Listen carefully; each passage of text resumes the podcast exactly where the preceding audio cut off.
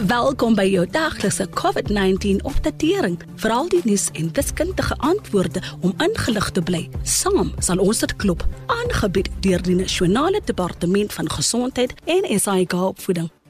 Nadat Suid-Afrika se eerste COVID-19 gevalle in Maart geïdentifiseer is, het ons goed gevaar met die bekamping van die virus. Maar in die afgelope maand, na mate al hoe meer mense teruggegaan het werk toe en met ander persone kontak gehad het, het ons gesien hoe vinnig die virus kan versprei. Gister het nog 'n groot klomp mense positief getoets, wat die totale koers op 287.796 te staan bring. Ons het ongelukkig ook gehoor van nog 93 persone wat dood is as gevolg van die virus. Die meeste mense het aggeslaan op al die waarskuwings en dra hulle maskers, handhaaf 'n fisieke afstand van ander persone en bly soveel moontlik tuis. Maar soos president Ramaphosa Sondag genoem het, is daar steeds heel party wat dit nie doen nie. Ons moet die raad van kundiges volg en die nodige voorsorgmaatreëls volg om te voorkom dat die virus selfs nog vinniger versprei.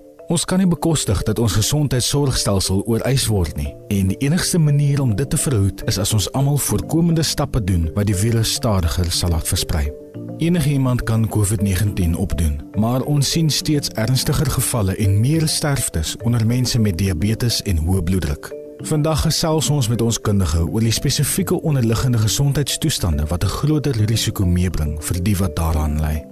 Ons herinner luisteraars ook om na hierdie insetsel die Sikaba COVID-19 Facebook bladsy te besoek.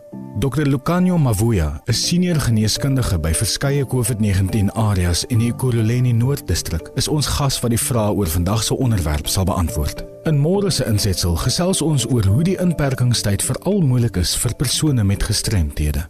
Sê goeienaand aan Dr Liesel Visser, spesialis huisarts in die Saldanha Bay distrik en lektor aan die Universiteit van Kaapstad. Dokter, is COVID-19 dodelik of nie? Daar is soveel teenstrydige berigte hieroor.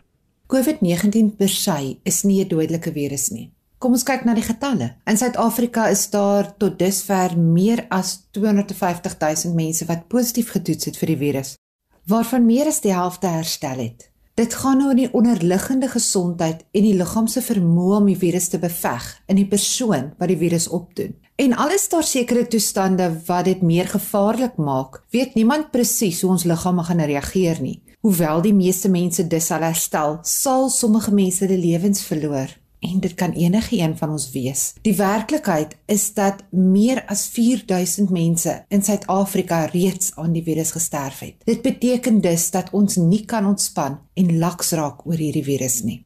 Hoekom reageer mense se liggame verskillend op die virus? Die waarheid is dat ons nie al die antwoorde het nie. Dis 'n nuwe virus en ons leer daagliks meer daaroor. Maar dit wil voorkom of daar sekere toestande is wat mense se risiko verhoog, sodat hulle baie erger siek word en dan selfs 'n hoër kans het om te sterf. Hierdie toestande word komorbiditeite genoem en hierdie onderliggende toestande affekteer jou liggaam se vermoë om die virus te beveg. Dit is 'n term wat ons al baie gehoor het. Kan jy vir ons verduidelik wat dit is? Die term komorbiditeit beteken net dat jy 'n kroniese mediese toestand het of 'n onderliggende faktor het wat kan veroorsaak dat jy baie sieker word van die virus en selfs kan sterf. Die algemeenste komorbiditeite wat die mense kwesbaar maak is diabetes, hoë bloeddruk en vetsigtigheid. Ons begin patrone in die data sien wat ons beter in staat stel om die risiko's te bestuur. Data uit die Weskaap toon dat 2 uit 3 mense wat aan COVID-19 oorlede is, meer as een komorbiditeit gehad het. Mense kon byvoorbeeld vetsigtig gewees het en asook diabetes gehad het of hoë bloeddruk sowel as asma. Verder weet ons almal ook dat ouderdom 'n groot faktor is. Ouer mense is geneig om sieker te word van hierdie virus en veral as hulle nou nog boonop 'n onderliggende toestand het. Ons sien ook dat TB en HIV 'n rol in COVID-19 sterfte speel. Dit is vir ons dis werklik uiters kommerwekkend omdat so baie van ons mense met hierdie toestande saamleef. Wat doen COVID-19 aan die liggaam veral as daar komorbiditeite ter sprake is? COVID-19 is 'n subtipe koronavirus en soos ons die virus beter leer ken, begin ons al hoe meer simptome herken. Ons weet dat hierdie soort virus die longe erg aantas en dis hoekom asma en pulmonale tuberkulose vorige of heidaglik as komorbiditeite beskou word. En dis wel bekend dat hoes en kort asemheid baie algemene simptome is. COVID-19 kan ook ander organe en stelsels oral in die liggaam affekteer, veral die bloedsomloopstelsel wat natuurlik ons bloedsirkulasie deur ons baie klein bloedvaatjies ook behels.